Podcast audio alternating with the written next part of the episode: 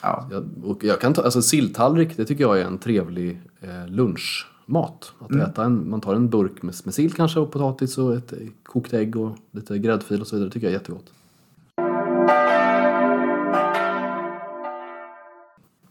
Vad är det för ljud i mina hörlurar? Behöver jag byta dem?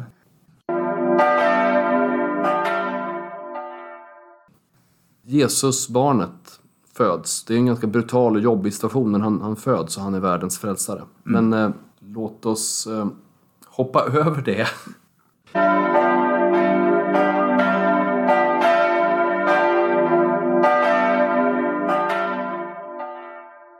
Jag säger hjärtinnerligt välkomna till Lillhelgsmål. Det här är det 26 avsnittet.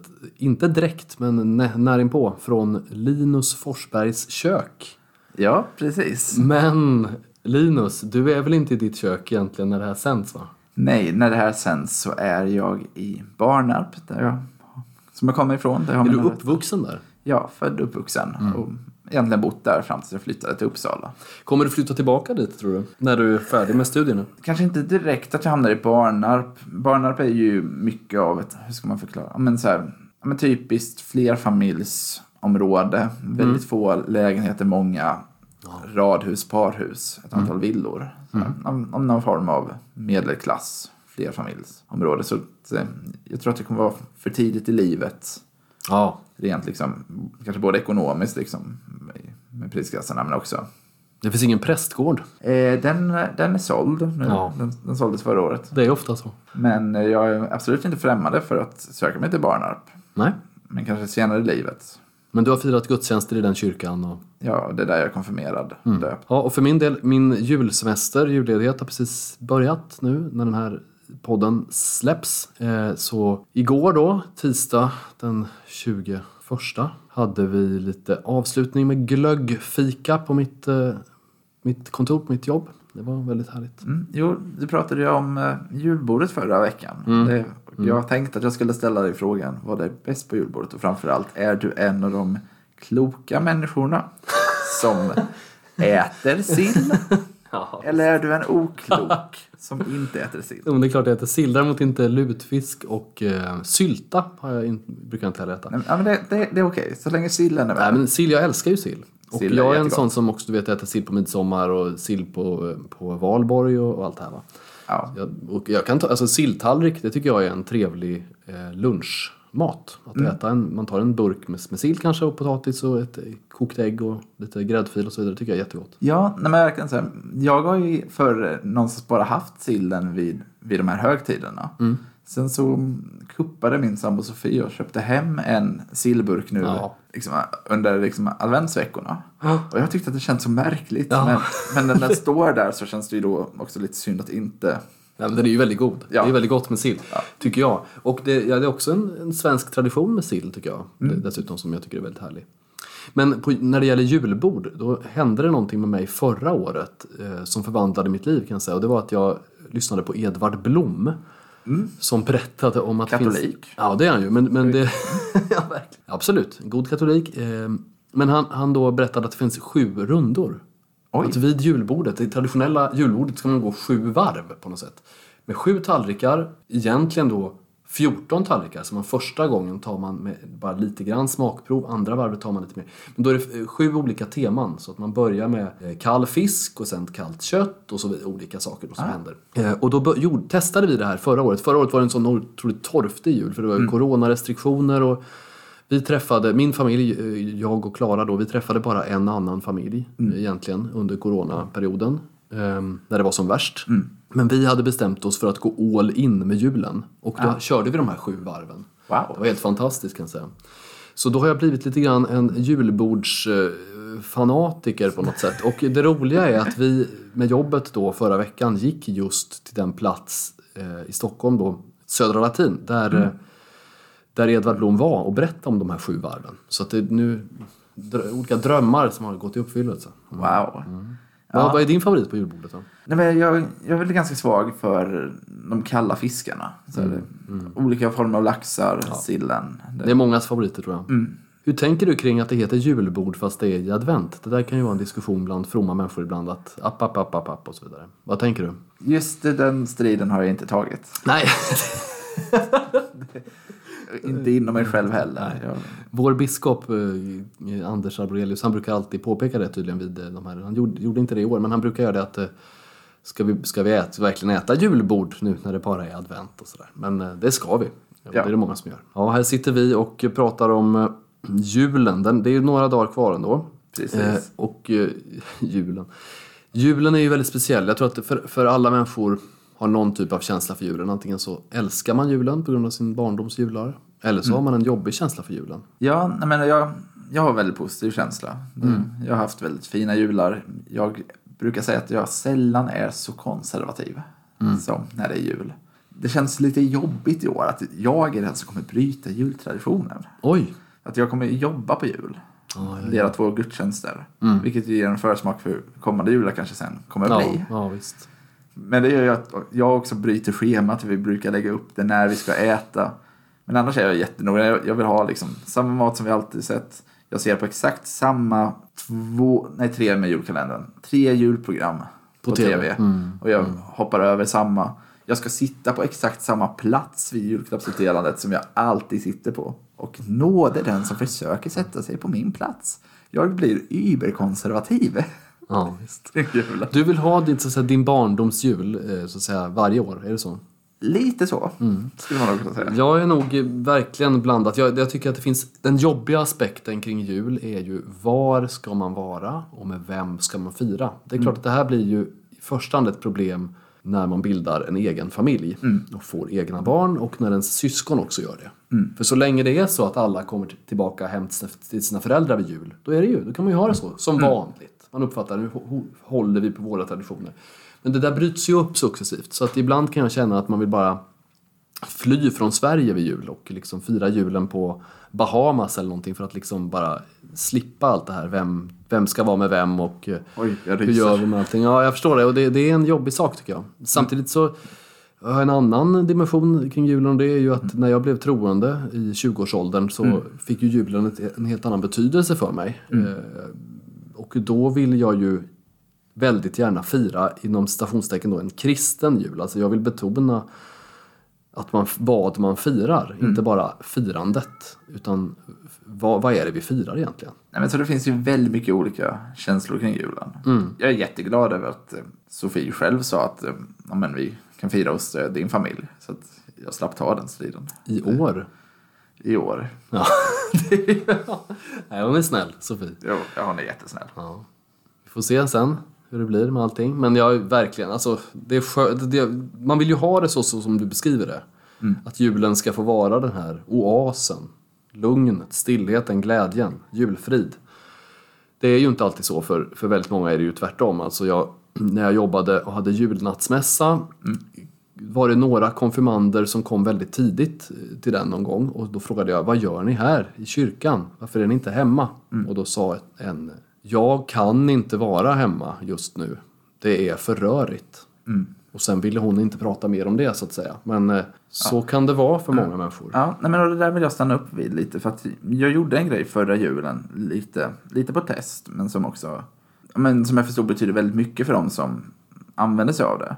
Jag- Jag erbjöd så här, jag skrev på mina sociala medier två dagar innan, att, här, just för att jag vet att för många kan julen vara något helt annat än för mig. Att Det kan antingen vara ensamhet, det kan vara att man är otrygg av olika anledningar. Och då skrev jag att men jag kommer ha på min mobil hela tiden. Så här. Känner du dig ensam, känner du dig otrygg, så här, behöver någon och liksom skriva med, ringa så här. Så finns jag här. Och det var ett antal som skrev och delade väldigt personligt. Så det vill jag uppmana de som känner att de har den möjligheten att faktiskt göra sig tillgängliga. Sen så stör, liksom så här, störde inte det inom statistiken. Eller det störde verkligen inte mitt firande utan jag kunde fortsätta fira. Men jag kunde också hjälpa någon annan att fira. Och det kändes väldigt meningsfullt. Och det finns säkert eh, många som vet att runt omkring dig så finns det någon som behöver som inte, som inte får vara med om ett eget julfirande och som behöver det. Det finns ju en gammal svensk tradition att man har en stol extra vid julen om det skulle komma en objuden gäst. Det tycker jag är en väldigt fin sak. Eh, Det, hela min barndom hade vi det så att det alltid kom ytterligare personer till oss vid jul. Men eh, Ja, Ja, så är det många kyrkor som öppnar upp också. verkligen. Tar emot folk. Jul i gemenskap och så. Mm. Julen är också bra, någonting kul och positivt kan vi väl vilja betona här. Eh, Jesus, barnet, föds. Det är en ganska brutal och jobbig situation när han, han föds och han är världens frälsare. Men eh, låt oss eh, hoppa över det Ja. och fram till söndag. Som är hos oss eh, söndagen efter jul, men hos er är det eh, Den helige Stefansdag. Precis. Mm, berätta lite.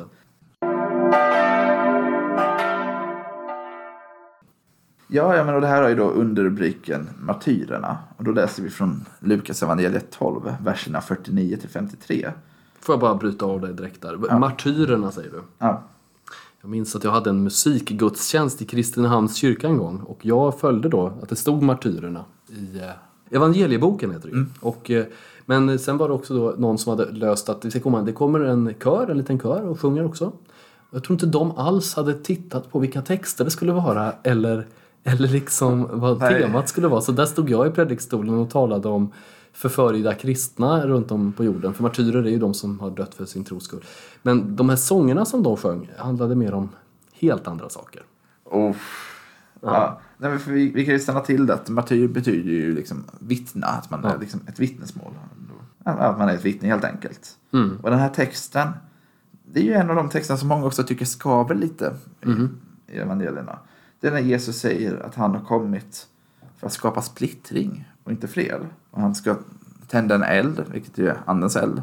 Och sen liksom även i liksom hushåll, så här, två, Mm. tre eller tre och två ska ställas mot varandra. Ja, Far mot son och son mot far. Och det är en ganska obekväm text tycker många. Mm. Det är liksom, men är det här? Är det här Jesus? ja det är det ju också. Och jag tänker att eh, dels så kan vi göra en liten exegetisk inblick här. Konstatera att, att Jesus pratar om elden. Vi har ju pratat mycket om Johannes döparen de senaste Jo. veckorna. Och i elden tar Johannes döparen också upp i sin domedagspredikan. Pratar han om elden. Det kan man läsa i bland annat Matteus 3.12 eller Lukas 3.17 om man vill läsa mer om det. Mm. Men det här med att Jesus ska splittra. Det är ju de facto kanske det som skedde. Vad man än tycker om hur det låter. För att vi ser att det har ju blivit många typer av splittringar. Här kan man tänka lite olika. Vad tänker du så här? Vilken splittring syftar Jesus på? Men jag tror att eh, den här texten finns med i eh, Bibeln därför att massor av kristna upplevde det så. Mm. Och då kom de ihåg att Jesus påpekade att det skulle bli så att alla i den här familjen blev inte troende. Alla i den här släkten blev inte det. Det, kan bli, det blev konflikter. Och att Jesus var medveten om det på något sätt. Han visste att det han kom med, budskapet som han hade, kanske inte själva evangeliet utan snarare det anspråk han själv hade. Jag är Messias. Det var det som splittrade. Att han var medveten om att det här budskapet som han hade, det var kontroversiellt. Och det behöver kristna vara medvetna om fortfarande. Ibland så tror vi att bara människor får höra om Jesus så kommer de genast att tro på honom. Men så är det ju inte. Nej men verkligen. Jag tänker också att det är mycket det Jesus vill peka på. Jag tror inte primärt att Jesus pratar om de splittringar mellan kristna som sen kommer att ske. Det- Nej, det tror faktiskt inte jag heller. Alltså det, han var väl medveten om det också faktiskt. Det, det är jag säker på. Men jag tror inte att det handlar om det i, i det här läget. Eller det står ju i Apostlagärningarna, att tro det, nu ska jag inte gissa hur många ställen det är, men på flera ställen tas det upp att så här, hela hushåll blev Ja, döpta och kom till tro. Och det har ju absolut också hänt. Men det är ju också just ibland delar av hushåll. Det är, ja, men jag kan bara kolla på mig själv, så här, i min familj, om jag tänker liksom den, den jag växer upp i, nu räknar jag inte in Sofie till exempel, är jag den enda som är, blev troende. ja. Men Gud tror ju på alla i din familj. Mm. Nej men verkligen. Och jag tänker att det här är en viktig skillnad. I just precis att Gud tror på oss eller om alla vi tror på Gud. Så är det ju för mig och i min familj också. Jag är ju den enda som är bekännande. Eller som så här, förhåller mig till Guds existens som om han finns. Ja. Men det jag tänker att jag också vill stanna till lite här vid. Det är för att, som vi sa, många tycker att den här texten blir lite jobbig, lite provocerande. Så Måste vi läsa den? Mm. Vad säger du till dem? Men jag tänker så här, att om man, för man sätter ju också detta i kontrast med att vi pratar väldigt mycket om liksom fred över jorden. Alla de bitarna. Jättebra bitar. Ska säga. Nu lät det som att jag raljerade över fred på jorden. Ja, nej. Det, det gör jag inte. Fred är bra. Ja, fred är bra. Det är En stark ståndpunkt vi har i den här podden. Men frågan är, så här, når vi freden genom att vara helt tysta? Eller når vi freden genom att ha någonting att säga? Att Det låter som att det. du har ett svar på den frågan. Ja, jag tror inte att vi ska vara tysta. Utan jag tror att vi måste säga det som behöver sägas. Och att det ibland blir obekvämt. Och jag tror att vi pratade om det ganska många avsnitt sedan. Det tror jag var någon gång i mitten av hösten. Att någonstans fundera på att ja, men om det jag hör är obekvämt. Är det nödvändigtvis den som säger det som det är fel på? Eller är det någonting inom mig som jag behöver reflektera över? Så här, vad är det som gör att jag tycker det blir obekvämt? Att Det inte ofta- nödvändigtvis Nej, lägga visst. skulden på den som säger det. Ibland kan det vara så, det förnekar jag inte. Nej men exakt, det har ju återigen då skulle jag tänka på det här med urskiljning. Man måste veta varför man... Nej men så här, nej. Jag uppfattar att om man, om man själv tillhör en minoritet i ett samhälle. Då vet man ofta ganska väl varför man tycker som man tycker. Ja, Varför man tror som man tror. För man har behövt tänka en del på det. det man, Eftersom man tillhör den här minoriteten. Nej, precis, man behöver tänka på det. Man har fått frågor om det. Mm. Däremot majoriteten har sällan behövt reflektera över varför tycker vi som vi tycker? Vi som tycker så här. Varför tror vi på de här sakerna? Eh, och det kan också spela roll då när någon från majoriteten och någon från minoriteten möts. Så att man har väldigt olika förståelser för varandras utgångspunkter. Jag tänker ibland på det här med mission. Hur, hur gick det till? Funderar jag på ibland. När, eh, när Paulus var ute och berättade om Jesus när Jesus själv var ute eller när han sände ut sina eh, 72 lärjungar. Alltså, ibland får man bilden av att de bara gick omkring och så sa de Jesus älskar dig och då blev alla kristna. Men det där är ju en mycket mer komplicerad process. Som du säger, en psykologisk process också där man måste inom sig själv fundera på vad är det här för ett budskap? Behöver jag, ska jag direkt avfärda det eller behöver jag liksom fundera kring det? Nej, precis. Och det behöver kristna också göra. Alltså, när man får höra någonting som man inte har hört förut. Man kan inte bara automatiskt avfärda det. Nej, Utan man måste faktiskt or orka pröva det. Det står ju ändå i skriften pröva allt och behåll det som är gott. Och just det där leder in lite på det som jag vill komma på hur man ska leva ut det här evangeliet. För jag tänker att, eh, som vi varit inne på, det här är ändå, många upplever detta som ett, vad ska jag säga, lite avvikande Jesus ord, att det är ett nytt sätt Jesus pratar på som vi inte är vana vid. Jag tänker att det är kanske det vi också ska göra. Så att jag, mitt tips på hur man lever ut det här evangeliet är att vittna om din tro på ett sätt som du annars inte brukar göra. Intressant. Intressant. Vad skulle det kunna vara? Det kan ju antingen vara, det beror ju helt på vad man gör. Så att om man inte brukar liksom prata öppet om sig tro, vissa har ju tron väldigt mycket för sig själv. Prata öppet om den.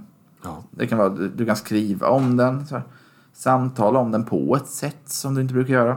Gå fram till en främling, börja prata tro, det, om du inte brukar göra. Det finns många sätt. Men människan har ju en god fantasi och en stark kreativitet. Så att jag överlåter det åt våra lyssnare att komma fram till vad svaret är i just era liv. Att dela tron med någon på ett sätt som du inte har gjort det förut då. Mm. Intressant.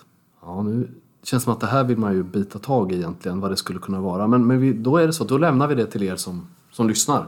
Precis. Men skriv gärna i kommentarsfält om dels om du har gjort det här, så här, vad du gjorde, eller om du har tankar på hur, skulle, hur man skulle kunna göra det för att inspirera varandra. Vi finns ju på både Facebook och Instagram. Det var ett tag som vi sa det nu att Ja, precis. Facebook, Lillhelgsmål heter vi även där och eh, på Instagram också. ja, och vi har ju också en hashtag som är lillhelg. Välkomna in i samtalet om Guds ord. Ja, och nu ska vi interagera lite med söndagsläsningen i katolska kyrkan. Ja, och vi, vi, eh, det blir ju så för oss då att annandagen överskuggas utav det som vi kallar för söndagen e- efter jul.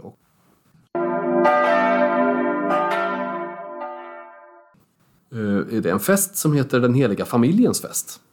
Och eh, vi kommer att läsa ur Lukas evangeliet kapitel 2 när Jesus som 12-åring liksom försvinner. Efter att familjen har varit i Jerusalem och firat påsk. Efter några dagar upptäcker Josef och Maria att Jesus inte är med eh, på vägen hem där alla släktingar och kusiner och vänner går. Så märker de att Jesus är inte här. De vänder tillbaks till Jerusalem och till sist hittar de honom då i templet. Där han sitter och frågar och berättar för prästerna. Som 12-åring, det är något väldigt annorlunda. Och de som lyssnar på honom tycker att han har någonting vettigt att komma med. Ja, Den här texten tycker jag, jag om väldigt mycket. Jag är ju fortfarande... Jag har ju hållit nu kanske ett... Vad blir det? Närmare ett tiotal predikningar. Men det är många texter jag inte predikat över. Så jag är fortfarande här känslan att texter jag har predikat över känner jag lite extra för. För att Ja. jag fått djupdyka i dem på ett annat sätt. Och det här är en sådan text. Mm. Jag inledde året i princip med 3 januari i år. Fick jag stå i Ödestuge kyrka och predika över denna text. okej. Då får du jättegärna säga vad du tänkte på när jag har berättat. eh, Jag, jag, jag, jag tänkte göra en reflektion kring barnens plats i kyrkan. Det är ju någonting som många sammanhang brottas med. Ska, ska barn överhuvudtaget få gå i kyrkan undrar man ibland om folk tänker. För att eh, man kommer till en högmässa någonstans och eh, barnen ska vara så tysta som möjligt eller helst inte vara där får man ett intryck av att somliga tycker. Jag var i Sigtuna en gång. Jättefin församling, Svenska kyrkan i Sigtuna. Helt fantastiskt sammanhang tycker jag. Eh, Men där lät då Mer av den högkyrkliga grenen i Svenska kyrkan. så är det nog ja. Där lät eh, min dotter och hennes kusin lite grann och en, en eh, kvinna i församlingen störde sig jättemycket på det. Och det gjorde att min fru och andra föräldrar där kände att vi kanske inte känner oss välkomna här. Och det var väldigt tråkigt. Sen så pratade vi med, med prästerna och redde upp det där. Men, men det var en väldigt tråkig upplevelse. Och jag tror att inte bara jag och inte bara där eh, har varit med om liknande situationer. Att barn har fått blickar eller funderingar och liksom, de ska sitta tyst och inte märkas och inte höras. Jag är så glad för, för prästerna i Uppsala, i katolska kyrkan där, som liksom brottas med det här. För de, de säger ofta mobiltelefoner får inte låta i gudstjänsten, men barn får låta. Jag tycker det, det måste man ibland säga så att det hörs i högtalarsystemet. För att annars kan folk få för sig ett och annat. Är barn välkomna? Har barn någonting att säga? Eller ska vi bara ställa fram barnen som en gullig kör då och då och så får de sjunga någonting och sen kan de gå åt sidan igen och vi får fortsätta med våra vuxengrejer. Jag tycker man ska ta barn på allvar. Ja, det låter ju lite som att kyrkan har blivit lärjungarna som visar bort barnen istället för att låta barnen komma till sig. Ja, det ju- vore ju fruktansvärt, men, men jag, så är det. I stor del, och inte bara i Sigtuna. Verkligen, det var inte meningen att peka ut Sigtuna. Jag älskar Sigtuna. Eh, Men på massor av ställen, i katolska kyrkan och i svenska kyrkan, vilken plats vill vi att barnen ska ha? Alltså, vill vi vara lärjungarna som får en utskällning av Jesus för att vi visade bort barnen? Eller vill vi vara de som faktiskt orkar sätta oss på huk och lyssna och ta barn på allvar? Och som Jesus gör, ta dem i famnen, välsigna dem. Ja, jag kommer ihåg när påven hade en av sina första eh, dopgudstjänster. Eh, brukar, man brukar döpa barn i, i början av året i, i Peterskyrkan. Då är det kanske 13-14 barn som påven döper. Och då ägnade påven hela sin predikan åt att bara, nej, det var inte så lång predikan, men han sa då så här Ja, jag förstår att här står ni med era barn i famnen och ni är oroliga att de ska skrika och höras och låta. Jag kan säga så här, låt dem höras. Det är deras dag idag. Det gör ingenting om de hörs. Det är ju för deras skull som vi har samlats här för att döpa dem. Jag tyckte det var så väldigt vackert. Och eh, därför så skulle jag verkligen vilja uppmuntra dig som eh, går till kyrkan regelbundet att eh, vad har du för attityd till barnfamiljer? Eh, uppmuntrar du barnfamiljer? Ger du dem ett leende? Eller ger du dem en sned blick? Fundera lite på det. Och om du har haft barn själv, om du har barn själv så vet du ju det här redan. Tar du med dig dina barn till kyrkan överhuvudtaget? Eller tänker du så här, det är ingen idé för de kommer låta för mycket? I så fall är det väldigt sorgligt. Då skulle jag verkligen uppmuntra dig, ta med dig barnen igen, pröva igen. Och om någon tittar snett på dig, då är det den personen som borde gå därifrån, inte dina barn. Och det är ett helt annat perspektiv än det jag predikar över. Vad, vad sa du texten. då i din predikan? Jag stannade framför allt till vid det här med att när Josef och Maria märker att Jesus inte är med på vägen så vänder de tillbaka. Och att det är just det vi ska göra i våra liv. Att när vi går på vägen och upptäcker nu är Jesus inte med oss längre. Att inte gå vidare på den vägen och hoppas att Jesus kommer springa ikapp oss. Utan Just faktiskt gå tillbaka till var såg jag senast Jesus? Klokt. Nej men precis, det ligger ju jättemycket i det såklart. Alltså att återvända. Jag tycker återvändan, jag, jag tänker ibland på den förlorade sonen, eh, när han då till sist kommer till insikt, eller vad man ska säga, när han förstår att jag är på fel väg. Då, då står det på grekiskan att han återvänder till sig själv, han kommer tillbaka till sig själv. Det står också, du vet, Emmausvandringen, då, stod det här med att lärjungarna märker att Jesus ser ut att vilja gå vidare. Och då säger de till honom, stanna hos oss. Man behöver faktiskt ibland eh, stämma av lite grann. Går jag i takt med Jesus? Ber jag honom vara med mig?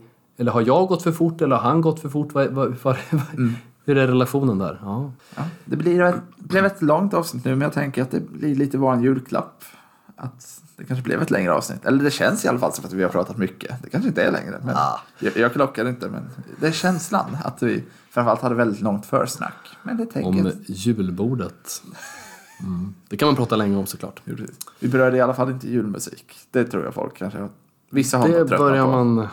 Ja, det är olika hur man känner sig men, men eh, vissa av oss har lyssnat på julmusik sedan i oktober och andra har inte gjort det. Men det beror på grann. ska vi bara kort beröra frågan. När får man börja lyssna på julmusik? På julafton. Okej. Ja, för, jag har ju en, jag har ett specifikt datum Okej. för allt det här. Och det är 16 oktober. Åh nej, är det sant? Ja. För, Då är, för då har man kommit igenom mer än halva hösten. Så man är närmare till december än till augusti. Ja. Och då får man börja lyssna på julmusik, köpa julmust. Köpa jul. Nej, det här... Eh, nu nu stäng, stäng av så fort som möjligt. Det kommer, det kommer inte bli bättre. Vi ska väl kanske börja avrunda det här också. Ja, det måste vi verkligen göra nu när du har sagt så. Sådana saker.